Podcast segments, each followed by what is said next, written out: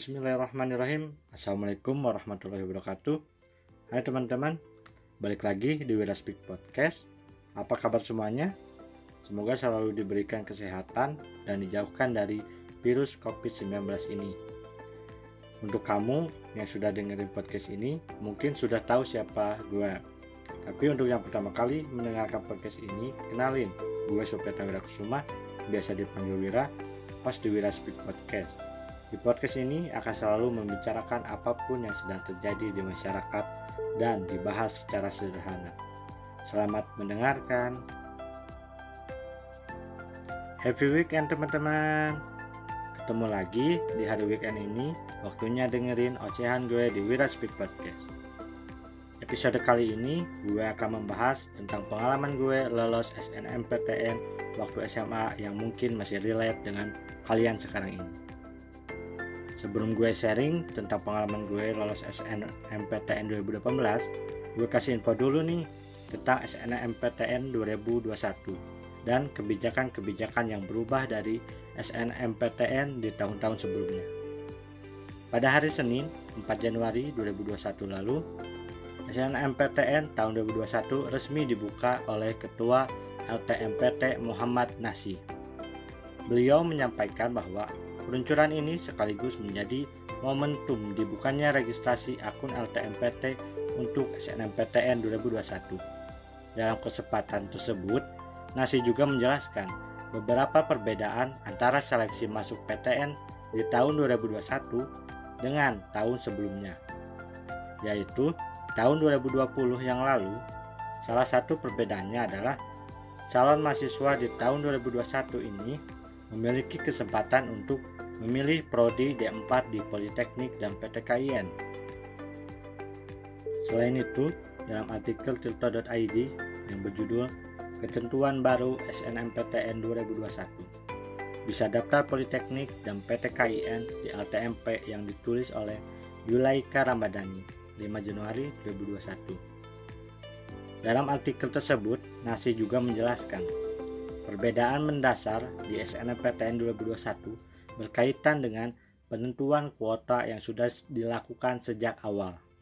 Menurutnya, kalau dulu atau saat SMPTN 2020, semua siswa akan dimasukkan ke data LTMPT sehingga ada jutaan data yang masuk ke servernya. Sedangkan kebijakan baru ini, LTMPT mengimbau agar pihak sekolah sudah mengetahui beberapa orang yang berhak sehingga melakukan persiapan dari sejumlah tersebut siapa-siapa saja dan nilainya cukup dan masuk dalam daftar kuota 40% tersebut. Sedangkan tahapan SMPTN lainnya sama dengan kebijakan SMPTN 2020 jika kita baca dengan lengkap pada artikel tersebut SNMPTN 2021 cukup banyak juga ternyata perubahannya dibandingkan pada tahun-tahun sebelumnya. Tapi hal-hal dasarnya masih sama menurut gua Bedanya dulu dengan sekarang yaitu penguploadan data siswa yang dilakukan oleh sekolah tidak lagi mengirim semua data siswa kelas 12-nya langsung ke LTMPT tapi sudah dilakukan filterisasi terlebih dahulu di sekolah sehingga yang berhak saja yang dapat ikut mendaftar SNMPTN 2021. Dulu waktu gue masih kelas 12 saat musim-musimnya pendaftaran SNMPTN di sekolah gue SNMPTN adalah topik utama jadi bahasan di kalangan teman-teman sekolah gue apalagi kalau kakak-kakak sosial yang sosialisasi dari kampus-kampus datang ke sekolah se semua pasti heboh. Apalagi kalau teman-teman cowok yang selalu menggunakan kakak-kakak yang cantik dan gemesin. Wah itu mah pecah sekali. Banyak yang godain mereka. Malah nggak ada yang nanya tentang kampusnya. Pada fase itu gue dan juga bahkan teman-teman gue di sekolah waktu itu merasakan hal yang sama yaitu namanya yang namanya galau, labil, gelisah karena mikirin kuliah atau mikirin masa depan gitu. Apalagi kalau lagi kumpul dengan teman-teman, obrolannya pasti tentang lu mau lanjut kuliah ke mana, lu mau kuliah atau kerja, atau lu mau nikah, lu pilih kampus mana, atau lu pilih jurusan apa, dan pertanyaan yang sejenis lainnya. Mungkin untuk teman-teman yang sekarang masih kelas 12 pasti ngalamin hal yang sama. Betul nggak? e, lalu proses SMPTN cukup memakan waktu lama waktu itu ya lah menunggu sebelum pendaftaran SMPTN waktu itu adalah penguploadan terlebih dahulu berkas berkas kita ke, ke pusat atau LTMPT habis itu kita nunggu tuh beberapa minggu kurang lebih sebulanan baru kita bisa e, diumumin gitu. Siapa aja yang bisa lolos atau yang bisa ikutan SMPTN waktu itu di angkatan gue di sekolah jumlah total siswanya di satu angkatan kurang lebih ada 400 orang. Ya 400 orangan. Dari 400 orang itu dikurasi atau di, e, dipilih menjadi sekitar 120 orang yang bisa ikutan daftar SMPTN di sekolah gua. Gua masuk ke ranking antara 60 atau 80-an ya sekitar itu eh, di sekolah. Dari dari pengalaman gue pada SMPTN 2018 gue udah bikin list jurusan yang mau diambil buat kuliah semenjak kelas 10 dari mulai masuk waktu itu udah berpikir oh gue mau yang ini yang itu. Dulu pertimbangan gue milih jurusan adalah misalnya jurusan itu adalah karena kemauan. Murni karena kemauan e, kemauan diri sendiri atau gue kayak ini e, lagi main game-game apa bangun-bangun bangun-bangun rumah yang kayak gitu di HP jadi tertarik ngambil jurusan arsitektur atau penataan wilayah kota. Terus kalau lihat ada orang tua temen yang kerja di tambang pengen ke pertambangan karena banyak duit dan lain-lain lah kayak kalau lagi di lab bersihkan gitu. Pengen masuk fisika kimia atau biologi atau analisis yang dan lain-lain lah yang yang terjadi lab gitu. Tapi ya namanya proses pada akhirnya mengantarkan gue pada hal-hal yang realistis atau kita itu yang nyata gitu. Sehingga uh, akhirnya gue bisa nemu jurusan yang cocok dan uh, gue gue ada di jurusan itu sekarang.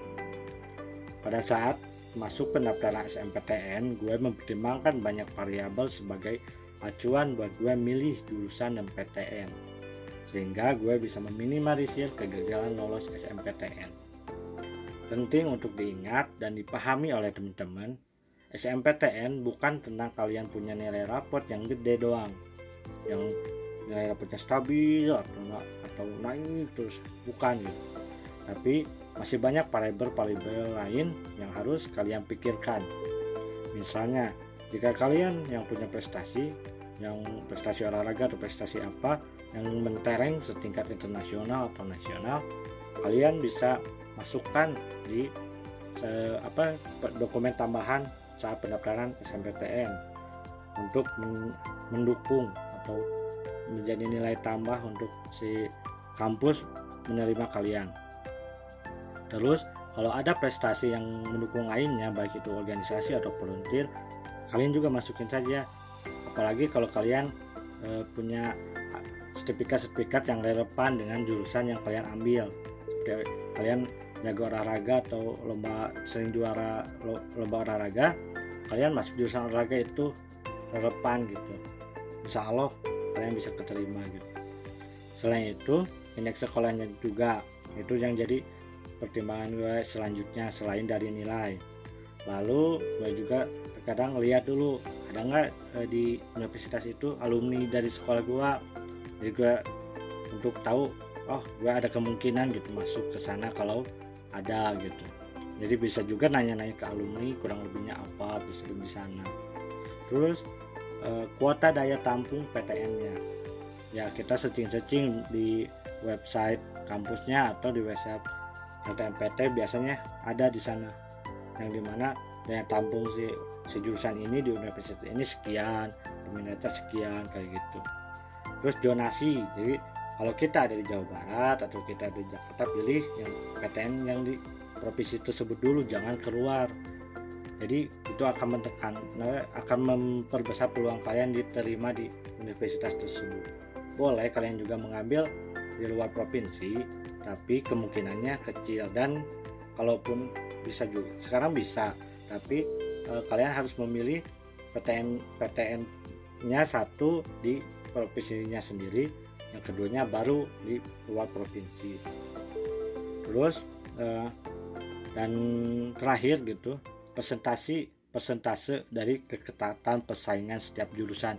Ya kayak seperti daya tampung gitu antara kuota daya tampungnya dan peminatnya dari tahun-tahun sebelumnya apakah besar atau apa kalian perhitungkan itu jarak eh, jadi kalian minimal apakah bisa gitu masuk ke sana setelah kalian perhitungkan oh ada peluang nih besar ya kalian boleh gitu. Tapi kalian juga harus memahami juga ketentuan-ketentuan atau regulasi SMPTN 2021 sebelumnya seperti apa gitu jadi kalian harus memahami dulu eh, ketentuan-ketentuan atau regulasi yang ada sekarang gitu. Jadi kalian harus menyesuaikan gitu. Barangkali ada yang berbeda dengan tahun-tahun sebelumnya. Kalian juga bisa cari cari-cari di akun-akun official SNMPTN atau tempat bimbel dan lain-lain. Di IG kan banyak gitu eh, yang tips and trick atau lain-lainnya. Nah habis kalian memahami semua variabel yang jadi faktor pengaruh lolos atau tidaknya kalian bisa tuh mulai cocok-cocokin dengan list jurusan dan PTN yang kalian udah buat tuh sebelumnya. Jadi kalian itu udah mensortir jurusan-jurusan universitas yang mau kalian tempatnya atau pilih.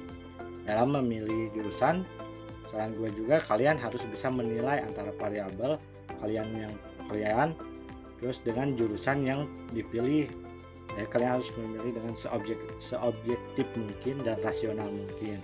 Jangan hanya sekedar perkiraan gitu. Ah gue mau bakal masuk atau apa jangan jangan asal tebak saja gitu. Jadi harus ada perhitungan yang objektif berdasarkan data.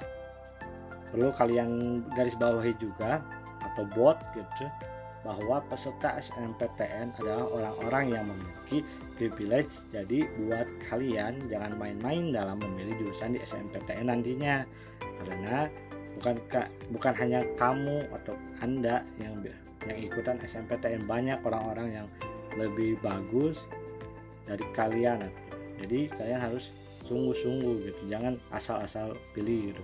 Daripada ntar kalian menyesal nantinya terus kalau kalian menyia-nyiakan kesempatan juga ketika kalian udah diterima kalian telah mengorbankan orang-orang yang benar-benar sungguh-sungguh pengen di tempat yang kalian duduki gitu. buat para pejuang SMPTN 2021 gue harap kalian bisa buat strategi dan perhitungan yang bagus untuk berjuang di SMPTN 2021 nantinya dan gue juga titip ke kalian SMPTN bukan segalanya bukan juga yang paling utama masih banyak jalur seleksi lainnya yaitu SBMPTN, apa mandiri dan lain-lain. Karena kalau kalian sudah di kampus, gak ada bedanya antara lo yang lulus di jalur SBMPTN, SBMPTN atau mandiri dan lain-lainnya. Di kelas semua itu sama. Yang pintar atau enggaknya itu tergantung kemampuan diri masing-masing di kelas, adaptasinya dan lain-lain. Nah, pokoknya tips terakhir gitu banyakin doa ibadah restu dari orang tua dan juga jangan lupa pasrah akan e, pasrah dan ikhlas apa pun yang kalian nanti dapatkan. Semua itu adalah hal yang terbaik dari Allah untuk kalian. Sekian episode kali ini. Semoga bisa bermanfaat buat kalian. Terima kasih udah mau dengerin podcast ini. See you di episode berikutnya. Salam rindu untuk kalian Bye bye. Wassalamualaikum warahmatullahi wabarakatuh.